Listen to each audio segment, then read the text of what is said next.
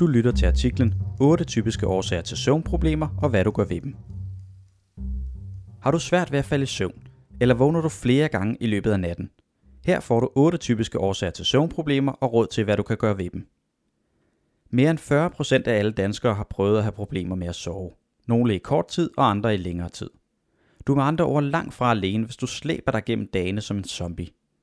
Heldigvis kan du selv gøre meget for at komme på ret kurs igen. Og ofte er det bare små ting, der skal ændres, før du igen får rolige nætter. Et godt sted at starte er at blive klogere på 8 typiske årsager til, at din nattesøvn bliver ødelagt. Og dem skal du høre mere om nu. Den første årsag er, at du presser dig selv for meget. Det er okay at give den gas i perioder, men pisker du afsted med 180 km i timen hver dag, så risikerer du, at din krop vender sig så meget til farten, at den ikke kan give ned om aftenen. På den måde bliver din nattesøvn forstyrret, og du får meget urolige nætter. Årsag nummer 2 du har for meget støj i hovedet. Mange kæmper med tanker, der kværner rundt i hovedet, når de skal sove. Det hedder også tankemøller. Heldigvis findes der teknikker, der kan hjælpe dig med at skrue ned for støjen i dit hoved. Du kan for eksempel prøve nogle enkle mindfulness-øvelser, der hjælper dig til at pakke tankemølleret væk. Dem har vi skrevet om i en anden artikel, som vi linker til i den skrevne artikel.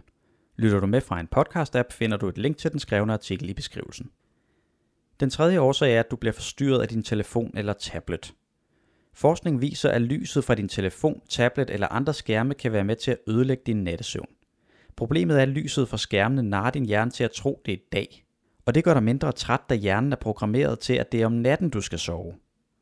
Det er derfor en god idé at gemme skærmene væk en times tid, før du skal sove. Sæt også din telefon på lydløs, så du ikke bliver forstyrret eller fristet til lige at tjekke, hvorfor din telefon bimlede.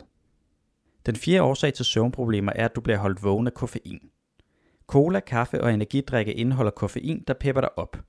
Har du problemer med at sove, er det derfor en god idé at skære ned på cola, kaffe og energidrikke. Det er også en god idé at undgå koffein sidst på dagen, for koffein bliver meget længere i blodet, end de fleste tror. Du kan fx lave et eksperiment, hvor du aftaler med dig selv, at du lukker ned for koffeinen efter kl. 14. Prøv det i en periode og se, om det ikke gør en forskel for dig og din nattesøvn. Årsag nummer 5 er, at du træner eller dyrker motion for tæt på sengetid.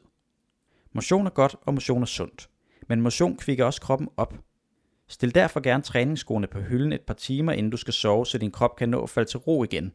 Så kan du dyrke motion tidligere på dagen. Så vil du også mærke en dejlig træthed, når du nærmer dig sengetid. Den sjette årsag er, at du har rod i søvnrytmen. Din krop er nemlig et fint stykke mekanik, der fungerer bedst, hvis du går i seng på nogenlunde samme tid hver dag.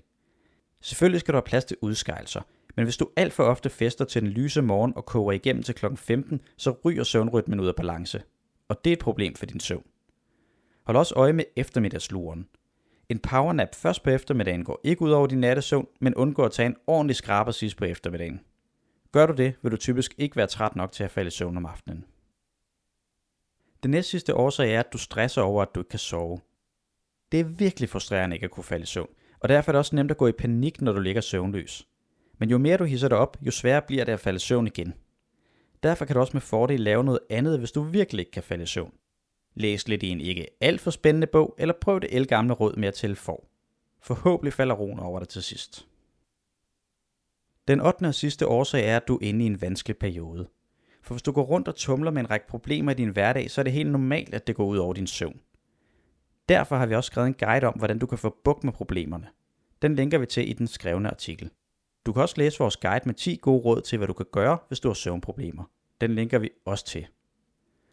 Hvis du nu læser begge, og du stadig kæmper med problemer, så er det en god idé at søge hjælp. Du kan starte med at tale med dine forældre og eventuelt også din læge. Det var alt for mig i denne omgang. Jeg håber, du er blevet lidt klogere på de typiske årsager til søvnproblemer, at du også har fundet din årsag, hvis du har svært ved at falde i søvn.